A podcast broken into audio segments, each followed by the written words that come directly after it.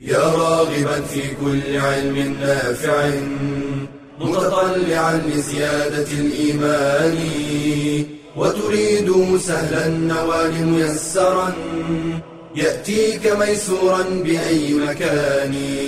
زاد زاد أكاديمية ينبوعها صاف صاف ليروي غلة الظمآن. وتعلم اللغة الفصيحة ورعاها بطريف أسلوب وحسن بيان.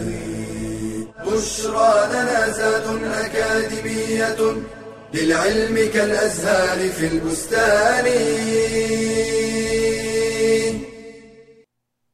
بسم الله الرحمن الرحيم. الحمد لله رب العالمين والصلاة والسلام على أشرف الأنبياء والمرسلين سيدنا محمد وعلى آله وصحبه أجمعين. مرحبا بكم أيها الإخوة والأخوات في هذا الدرس العاشر من دروس اللغة العربية في أكاديمية زاد العلمية.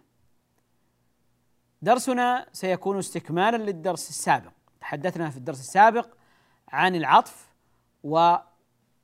وبالتحديد عن عطف النسق. وذكرنا أن عطف النسق يكون بواسطة أحد حروف العطف. يكون بواسطة أحد حروف العطف فيكون عندنا المعطوف عليه ثم حرف العطف ثم المعطوف وهو التابع ثم المعطوف وهو التابع. فنحن اليوم سنتحدث عن حروف العطف. ما هي حروف العطف؟ وما معاني هذه الحروف؟ يكون ذلك بإذن الله على اللوحة التعليمية.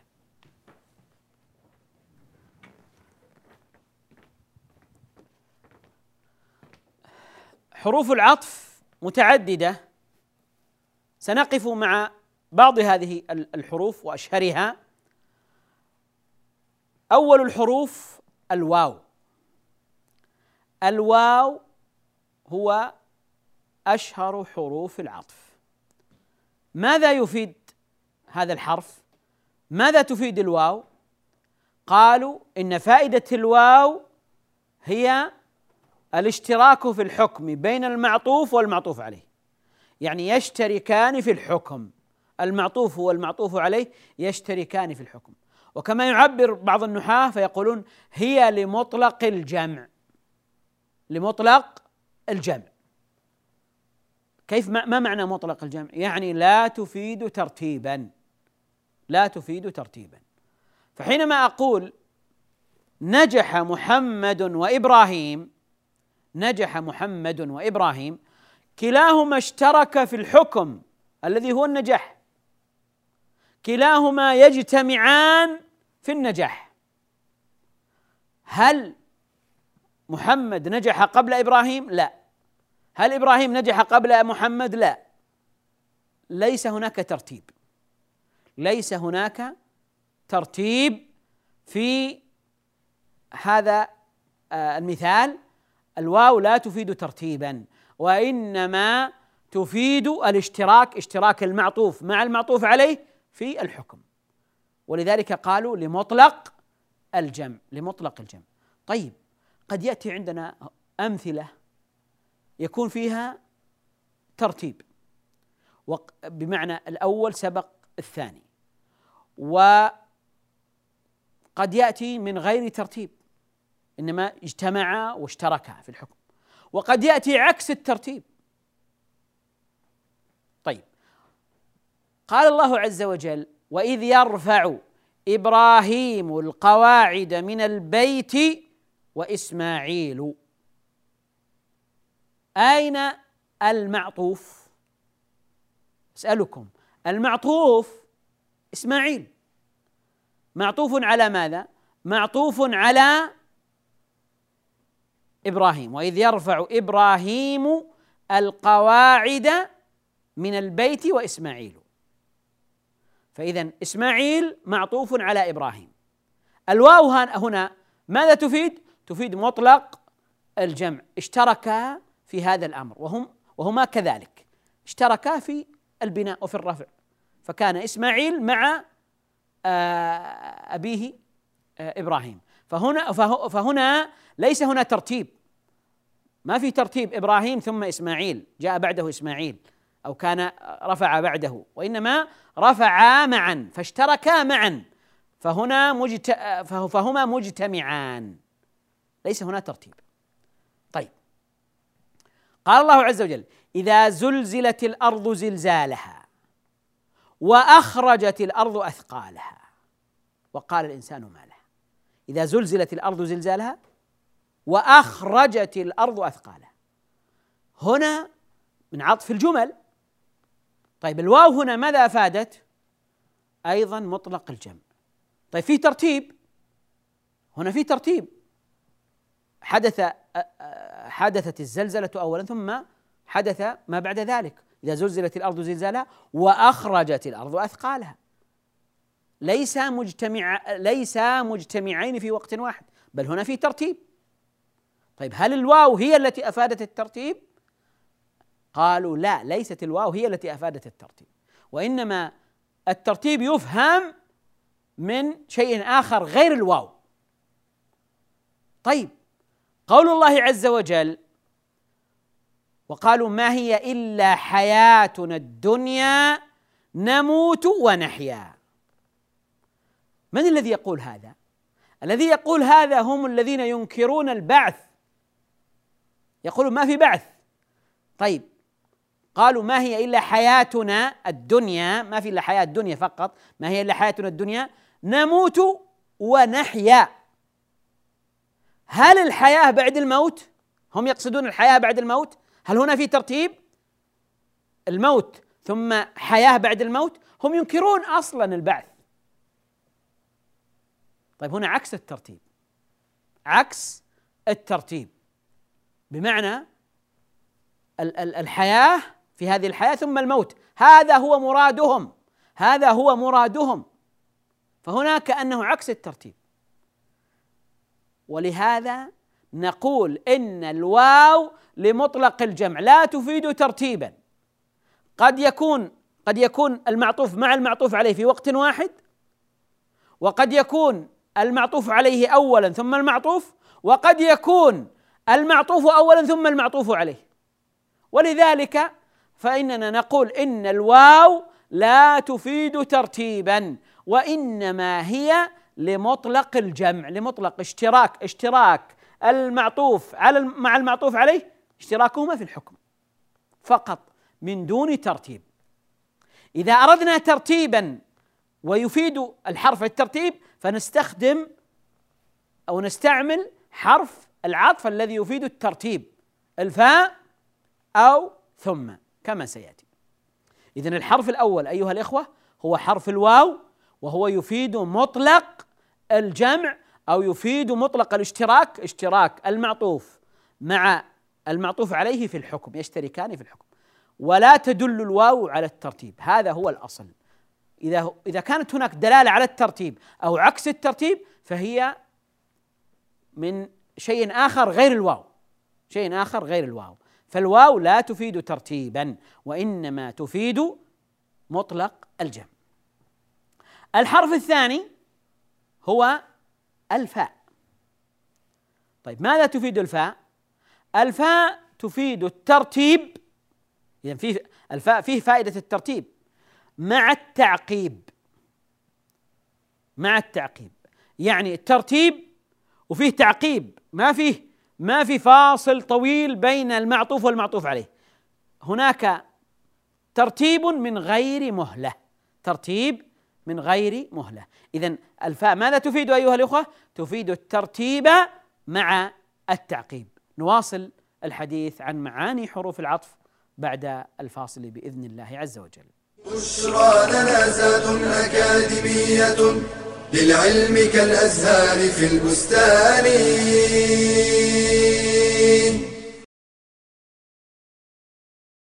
من أعظم الأخطار التي تهدد المجتمع وتجعل بناءه هشا ضعيفا جهل المرأة بما تحتاج إليه من أمور دينها ودنياها وشؤون حياتها فهي الساعد الآخر لبناء المجتمع. فالمرأة الجاهلة لا يمكنها القيام بتربية صحيحة أو إعانة لأبنائها على التعلم والرقي بل ربما أنشأتهم على أفكار خاطئة أو معتقدات فاسدة. فبالجهل تتبرج المرأة فتفتن نفسها وغيرها وبالجهل تضيع المرأة حق زوجها وتنفره من البيت فيتفرق شمل الأسرة وبالجهل وقعت كثير من النساء في الخرافات والسحر والشعوذة. فالواجب على المرأة أن تحرص على طلب العلم وألا يمنعها الحياء من ذلك فإنه لا حياء في طلب العلم كما قالت أم المؤمنين عائشة رضي الله عنها نعم النساء نساء الأنصار لم يكن يمنعهن الحياء أن يتفقهن في الدين. بشرى لنا زاد أكاديمية للعلم كالأزهار في البستان. بسم الله الرحمن الرحيم. أيها الإخوة قبل الفاصل ذكرنا معاني هذه الحروف حروف العطف. اولا ذكرنا الحديث عن الواو وقلنا إن الواو هي لمطلق الجمع وللاشتراك اشتراك المعطوف مع المعطوف عليه في الحكم في الحكم. ثم وقفنا عند الفاء وقلنا إن الفاء تفيد الترتيب مع التعقيب يعني ليس هناك فاصل فاصل بين آه، المعطوف والمعطوف عليه. و آه، بعكس ثم فإن ثم تفيد الترتيب مع التراخي. يعني حينما أقول جاء زيد فعمر ماذا أقصد؟ أقصد أن عمرو جاء بعد زيد لكن من غير فاصل طويل. لكن لو قلت جاء زيد ثم عمرو فبينهما وقت بين مجيئهما بين مجيئهما وقت. فإذا الفاء تفيد الترتيب إذا المعنى تفيد الترتيب وتفيد التعقيب. أما ثم فإنها تفيد الترتيب والتراخي. طيب إذا الفاء ماذا ماذا تفيد الفاء؟ الفاء تفيد ثلاثة أمور. الأمر الأول الاشتراك. انتبهوا الأمر الأول تفيد الاشتراك اشتراك المعطوف مع المعطوف عليه في الحكم. لما أقول جاء زيد فعمر اشترك زيد مع عمر في حكم المجيء. فإذا المعنى الأول الاشتراك. المعنى الثاني الترتيب. فهناك ترتيب يعني لما أقول جاء زيد فعمر يعني جاء زيد أولا وبعده جاء عمرو في ترتيب. ما يمكن يكون عمرو جاء قبل زيد. لكن في الواو يمكن أن أقول جاء عمرو وزيد. حتى لو كان عمرو بعد زيد فما عندنا مشكلة. فليس في الجملة خطأ. لما أقول جاء عمرو وزيد ما يلزم أن يكون عمرو جاء قبل زيد. هو جاء زيد وجاء بعده عمرو. فأنا إذا أردت أن أقول إنهما جاء ما جاء أريد ان أن يشتركا في الحكم مطلق الجمع ممكن أن أقول جاء زيد وعمر وممكن ان أقول جاء عمرو وزيد. لكن إذا أردت الترتيب فلا بد أن أقول جاء زيد فعمر. ما يفاد الترتيب إلا بالفاء أو ثم. جاء زيد فعمر. فهنا الترتيب جاء بحرف العطف وهو الفاء. فاذا الفاء تفيد الاشتراك وتفيد الترتيب وتفيد التعقيب. وتفيد التعقيب. والتعقيب في كل حال بحسبها بحسبها. يعني المجيء لما أقول جاء زيد فعمر آه، يمكن أن يكون بينهما دقيقة دق يكون بينهما آه، دقيقتان ثلاث خمس عشر. لكن إذا قلت جاء زيد ثم عمر معنى ذلك أن هناك فاصل طويل. في حال أخرى ربما يكون الفاصل يوم ومع ذلك يكون تعقيبا. مثل ماذا؟ مثل لو قلت مثلا زرت مكة فالمدينة. يعني زرت مكة فالمدينة. هنا يمكن أن يكون بينهما يوم أو يومين أو يومان و و ويكون هذا تعقيبا. لكن لو كان بينهما شهر ما يمكن أن أقول زرت مكة فالمدينة ويكون بينهما شهر. لكن لو كان بينهما يوم أو يومين ها فليس هنا إشكال. إذا كان بينهما يوم أو يومان فليس هنا إشكال. فهذا تعقيب. طيب نحن هناك قلنا الساعة تعتبر تراخي. لكن في المجيء. لكن في الزيارة بين بين مدينة وأخرى ما يمكن يكون ساعة ولا نصف ساعة ولا أقل وإنما يكون آه، يوم أو يو آه، أو يومان. فاذا التعقيب في كل حال وفي كل مثال بحسبه بحسبه. ليس هناك آه، مهلة محددة أو زمن محدد يقال هذا هذا الزمن إذا إذا كان في خلال هذا الزمن يكون تعقيبا وإذا كان أكثر من ذلك يكون تراخيا لا. وإنما التعقيب في كل شيء بحسبه. اذا الفاء ماذا تفيد أيها الإخوة؟ تفيد الاشتراك في الحكم وتفيد الترتيب وتفيد التعقيب وتفيد التعقيب. هنا المثال وصلت الطائرة فخرج المسافرون وصلت هنا فيه كلمة سقطت في العرض وصلت وصلت عفوا. هنا كلمة وصلت. وصلت الطائرة فخرج المسافرون. هنا وصلت الطائرة فخرج.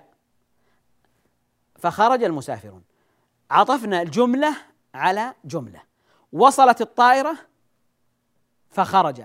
كان خروج المسافرين من الطائرة عقيب وصول الطائرة. لما وصلت خرج المسافر وبعد ذلك لكن لو كان هناك خلل في الطائرة استدعى أن يبقى المسافرون في الطائرة لساعة مثلا. ما يمكن نقول وصلت الطائرة فخرج المسافرون لأنه ليس هنا تعقيب وإنما صار هنا تراخي. صار هنا تراخي في في فاصل في مهلة غير قصيرة في مهرة غير غير معتادة فهنا ليس تعقيب. فأنا لو لو قلت فرق بين أن أقول وصلت الطائرة فخرج المسافرون وبين أن أقول وصلت الطائرة ثم خرج المسافرون. هنا لما أقول ثم معنى ذلك أن هناك آه، فاصل هناك مهلة غير يعني قليلة. وأول من خرج النساء فالرجال. وأول من خرج النساء فالرجال. النساء فالرجال. إذا آه، آه، الرجال آه، خرجوا بعد النساء مباشرة. هنا تعقيب. لو قال المسؤول في الطائرة نريد من الرجال أن يمكثوا بعد النساء ساعة. ما يمكن نقول خرج النساء فالرجال. لأنه ليس هناك تعقيب في فاصل.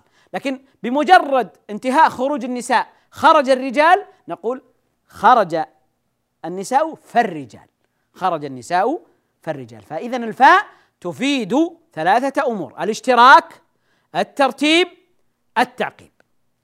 الفاء ثم الحرف الثالث ثم هذه تفيد ثلاثة أمور أيضا. تفيد الاشتراك تفيد الاشتراك وتفيد الترتيب وتفيد التراخي وتفيد التراخي. بمعنى أن ما وق ما الحكم الذي حصل للمعطوف كان بعد الحكم الذي حصل للمعطوف عليه وبينهما فاصل وبينهما مهلة وبينهما وقت. كان يمكن أن يكون أقل من ذلك لكن صار فيه تراخي صار فيه تراخي لما أقول جاء زيد ثم عمرو يعني ترى بينهما وقت ليس ليس متع يعني ليس بينهما تعاقب مباشرة وإنما فيه فاصل وقت طويل فإذا ثم تفيد ماذا؟ تفيد الترتيب مع التراخي والتراخي المقصود وجود فاصل بين الأول والثاني. آه قال الله عز وجل والله خلقكم من تراب ثم من نطفة. من تراب ثم من نطفة. فهذا يفيد الاشتراك في الحكم. الله خلقكم في الخلق. اشتراك في في الخلق. ويفيد الترتيب إنه الخلق من تراب اولا ثم الخلق من نطفة ثانيا. وبينهما بينهما وقت. فاذا هذا يفيد يفيد التراخي. اذا تفيد ثم التراخي. تفيد التراخي. هذه أيها الإخوة أشهر حروف العطف. هناك حروف أخرى غير هذه الثلاثة سنعرفها إن شاء الله بعد الفاصل. بشرى لنا زاد أكاديمية للعلم كالأزهار في البستان.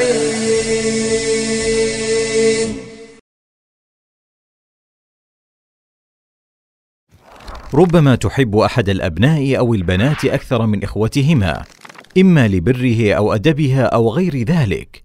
ولكن هل يجوز أن تفضل من تحب في العطية وتخصه بالهدايا دون الآخرين؟ لنستمع إلى هذه القصة التي جرت للصحابي الجليل النعمان بن بشير يقول رضي الله عنه سألت أمي أبي بعض الموهبة لي من ماله فوهبها لي فقالت لا أرضى حتى تشهد النبي صلى الله عليه وسلم فأخذ بيدي وأنا غلام فأتى بي النبي صلى الله عليه وسلم فقال له يا بشير ألك ولد سوى هذا؟ قال نعم. فقال أكلهم وهبت له مثل هذا؟ قال لا. قال فلا تشهدني إذن فإني لا أشهد على جور. ففي هذا الحديث تحذير من تفضيل أحد الأبناء على إخوته وأنه من الجور والظلم ولم يفرق بين الذكر والأنثى وذلك لما يؤدي إليه من الكراهية والنفور بينهم. ولا حرج في الميل القلبي لأحد الأولاد دون غيره لأن ذلك أمر ليس في مقدور العبد. وإنما الذي يحرم أن يفضل المحبوب على غيره بالعطايا دون سبب شرعي. فإن حصل مثل هذا التفضيل وجب رد العطية أو إعطاء الآخرين مثل أخيهم ويجوز التفضيل بين الأولاد. إذا كانت هناك أسباب وجيهة تدعو إلى ذلك كأن يخص أحد أولاده لمرض أصابه أو فقر وحاجة ألمت به أو لاشتغاله بطلب العلم ونحوه من الفضائل. وللوالد أن يمنع العطية عمن يستعين بها على معصية الله تعالى ويعطيها لمن يستحقها.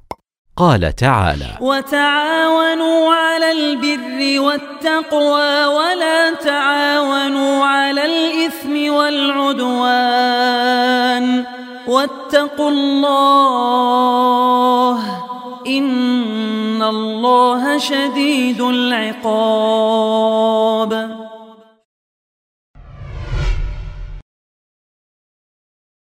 بشرى لنا زاد أكاديمية للعلم كالأزهار في البستان. بسم الله الرحمن الرحيم. نكمل الحديث أيها الإخوة والأخوات عن معاني حروف العطف. ذكرنا أن الواو تفيد مطلق الجمع والاشتراك وأن الفاء تفيد الاشتراك والترتيب والتعقيب. وأن ثم تفيد الاشتراك والترتيب مع التراخي. لو أخذنا مثالا على ذلك هذا المثال زرعت القمح ثم حصدته. زرعت القمح ثم حصدته. لو سألت سؤالا قبل أن أتكلم عن معنى ثم لو قلت من أي أنواع العطف العطف في هذه الجملة. من أي أنواع العطف؟ هل هو من عطف الأسماء على الأسماء؟ أم من عطف الأفعال على الأفعال؟ أم من عطف الجمل؟ الجواب أنه من عطف الجمل. زرعت القمح ثم حصدته. من عطف الجمل. فعندنا هنا فعل زرعت آه، فعل وفاعل فعل وفاعل والقمح مفعول به منصوب وثم حرف العطف ثم حرف العطف وحصدته عندنا فعل وفاعل ومفعول به. حصد فعل ماضي مبني على السكون الاتصال بضمير رفع متحرك والتاء ضمير متصل مبني على الضم في محل رفع فاعل والهاء ضمير متصل مبني على الضم في محل نصب مفعول به. والجملة من الفعل والفاعل والمفعول به حصدته معطوفة على الجملة السابقة. والمعنى هنا واضح؟ أن ثم تفيد الاشتراك يعني أن آه، المتكلم جمع بين الزراعة والحصد زرع وحصد جمع بينهما واشترك في آه، يعني آه، اشتركت الزراعة والحصاد في فعله. طيب هذا الاشتراك. والترتيب نعم الحصاد كان بعد الزرع. الحصاد كان بعد الزرع في ترتيب. والتراخي لأن آه، الزرع سابق بفترة عن الحصاد فهنا تفيد ثم الترتيب وتفيد التراخي. هذه هي معاني حروف العطف الثلاثة الواو والفاء وثم. هناك أيها الإخوة حروف عطف غير هذه الثلاثة فمنها أو. حرف العطف أو. لما أقول جاء زيد أو عمرو أو. ماذا تفيد أو؟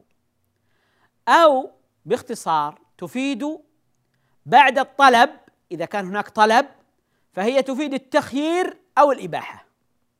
التخيير أو الإباحة. أخير أخير المخاطب بين هذا وهذا أو أبيح له. تخيير أو الإباحة. بعد ماذا؟ بعد الطلب. إذا كان هناك طلب. إذا كان هناك طلب من المخاطب وجاءت أو حرف العطف أو فهو يفيد التخيير أو الإباحة. وبعد الخبر إذا كان خبر فقط ليس طلب ليس هناك طلب إنما آه، خبر فهو يفيد الشك يفيد الشك. لو أخذنا هذه المعاني الثلاثة التخيير ثم الإباحة ثم الشك. التخيير يعني أنا أخير المخاطب أخير السامع بين أحد الشيئين أو أحد الأشياء. أخيره والإباحة أبيح له. طيب ما الفرق بين التخيير والإباحة؟ الفرق بين التخيير والإباحة أن التخيير لا يجوز الجمع بين الأمرين إما تختار هذا أو هذا. أما الإباحة فيجوز أن تجمع بينهما فيجوز أن تجمع بينهما. يعني مثال التخيير لو قلنا مثلا لو خاطبنا أحدا وقلنا له تزوج هندا أو أختها. ما معنى أو هنا؟ لاحظ أنه جاء بعد الطلب تزوج أمر. تزوج هندا أو أختها. هنا أو تفيد التخيير. لماذا قلنا التخيير؟ لأنه لا يجوز أن يجمع بين هند وأختها. لا يجوز أن يجمع بينهما. لا, لا, لا يمكن الجمع بينهم لأنه لا يجوز. فهنا التخيير إما هذه أو تلك. فهذا يسمى التخيير. يسمى التخيير. وكذلك في أيضا الكفارة في الآيات التي فيها الكفارة فكفارة إطعام عشرة مساكين من أوسط ما تطعمون أهليكم أو كسوتهم أو تحرير رقبة. هنا قالوا إن أو التخيير تفيد التخيير. بمعنى أنه يختار إما هذه الكفارة أو تلك أو تلك. ولا يجمع بينهما على أن على أن هذه كلها كفارة. يمكن أن يجمع لكن إحداهما كفارة والأخرى صدقة مثلا. لكن أن يجمع بينهما على اعتبار أنهما كفارة لا. هذا تخيير. كذلك لو قلنا مثلا تعجل في الحج أو تأخر. يعني يعني إما أن أن أن تغادر في اليوم الثاني عشر أو الثالث عشر. فمن تعجل في يومين فلا إثم عليه ومن تأخر فلا إثم عليه لمن اتقى. لو قلنا تعجل أو تأخر. هذا تخير لأنه لا يمكن أن يجمع بينهما. طيب الإباحة الإباحة يكون تكون أو في فيه لإباحة أحد الأمرين ويجوز أن يجمع بينهما. كما يمثل النحاة بقولهم جالس الحسن أو ابن سيرين. جالس الحسن أو ابن سيرين. يعني اجلس إلى هذا وتعلم من هذا أو من هذا. لكن هذه إباحة. وليست تخيرا. لماذا؟ لأنه يجوز أن يجالس الحسن ويجالس ابن سيرين.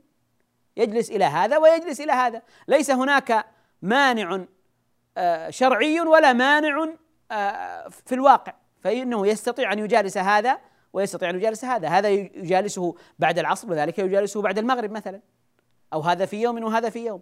فهذه تسمى الإباحة. إذا أو تفيد التخيير أو الإباحة. وذلك إذا جاءت بعد طلب إذا جاءت بعد طلب. الفرق بين التخيير والإباحة أن التخيير لا يجوز الجمع بين الأمرين. تزوج هندا أو أختها. الإباحة يجوز أن يجمع بينهما جالس الحسنة أو ابن سيرين. أما إذا جاءت بعد الخبر أو جاءت بعد الخبر يعني بعد خبر من الأخبار جاء زيد أو عمرو. فهذا يفيد الشك. يفيد الشك. بمعنى أن المتكلم شك ما يدري يعني شك هل جاء هذا أو هذا. فيقول جاء زيد أو عمرو. يعني فهنا أو تفيد الشك. وهذا يرد كثيرا في آه، الحديث وفي أقوال الرواة. فيقول شك يشك, في هذا. فيقول هذا أو هذا. فهذا يفيد الشك. فأو تفيد الشك بعد الخبر. قد يكون هناك مقصد للمتكلم وهو الإبهام. ها؟ هو لا يشك لكن يريد أن يوهم أو يبهم على السامع وهذا معنى دقيق. إذا أو تفيد التخيير أو الإباحة وذلك بعد الطلب وتفيد الشك وتفيد الشك. هناك أيضا حروف أخرى تستعمل العطف لا بد أن ننبه إليها. فعندنا حتى حتى هذه الكلمة هي حرف عطف تستعمل حرف عطف. ما مثالها ماذا ماذا تفيد؟ تفيد تفيد الغاية والتدريج. يعني حينما أقول للأخ الكريم أقول له ناولته كتب الكتب ناولته الكتب حتى كتاب الأدب. ناولته الكتب حتى كتاب الأدب. يعني هنا كتاب الأدب معطوف على الكتب. فأنا ناولته الكتب أعطيته الكتب حتى كتاب الأدب. فهنا الكتب مفعول به وحتى حرف عطف وكتابة معطوف منصوب. معطوف منصوب. يفيد ماذا؟ يفيد الغاية مع التدريج. يعني أنا أعطيته الكتب كتابا كتابا حتى أعطيته كتاب الأدب. ومنه المثال الذي يذكر في كتب النحو أكلت السمكة حتى رأسها. يعني أكل السمكة إلى أن وصل إلى الرأس وأكل الرأس. أكلت السمكة حتى رأسها. فهنا حتى حرف حرف عطف يفيد الغاية والتدريج يعني تدرج في الأكل حتى وصل إلى الرأس وأكل الرأس أيضا. وقد تأتي حتى لمطلق الجمع مثل أو مثل الواو مثل الواو قد تأتي حتى مثل الواو. قالوا من ذلك ما جاء في الحديث كل شيء بقضاء وقدر حتى العجز والكيس حتى العجز والكيس. فإذا هنا حتى تفيد مطلق الجمع. يعني كل شيء بقضاء وقدر كل شيء وكذلك من ذلك أيضا العجز والكيس. كذلك أيضا من آه، حروف العطف لا تستعمل للعطف وتستعمل بل أيضا للعطف ولكن آه، فمثل لا لما أقول مثلا آه، جاءني زيد لا عمرو. يعني ترى اللي جاءني زيد ما هو عمرو. جاءني زيد لا عمرو فهذه حرف عطف. وحينما أقول ما جاءني زيد بل عمرو هذه بل حرف عطف. وحينما أقول ما جاءني زيد لكن عمرو فهذه أيضا تستعمل حرف عطف. فهذه الحروف الثلاثة قد تستعمل حرف عطف. هذا لمزيد البيان. فإذا حروف العطف آه، هي الواو والفاء وثم وأو وهذه أشهر حروف العطف. وكذلك حتى ولا وبل ولكن. فهذه هي حروف العطف. وبهذا نكون قد أنهينا الحديث عن العطف ونلتقي إن شاء الله في درس قادم. ولذلك أستودعكم الله. والسلام عليكم ورحمة الله وبركاته. يا راغبا في كل علم نافع. متطلعا لزيادة الإيمان وتريد سهلا النوال ميسرا يأتيك ميسورا بأي مكان. زاد زاد أكاديمية ينبوعها صاف صاف ليروي غلة الظمآن وتعلم اللغة الفصيحة ورعاها. بطريف أسلوب وحسن بيان. بشرى لنا زاد أكاديمية للعلم كالأزهار في البستان.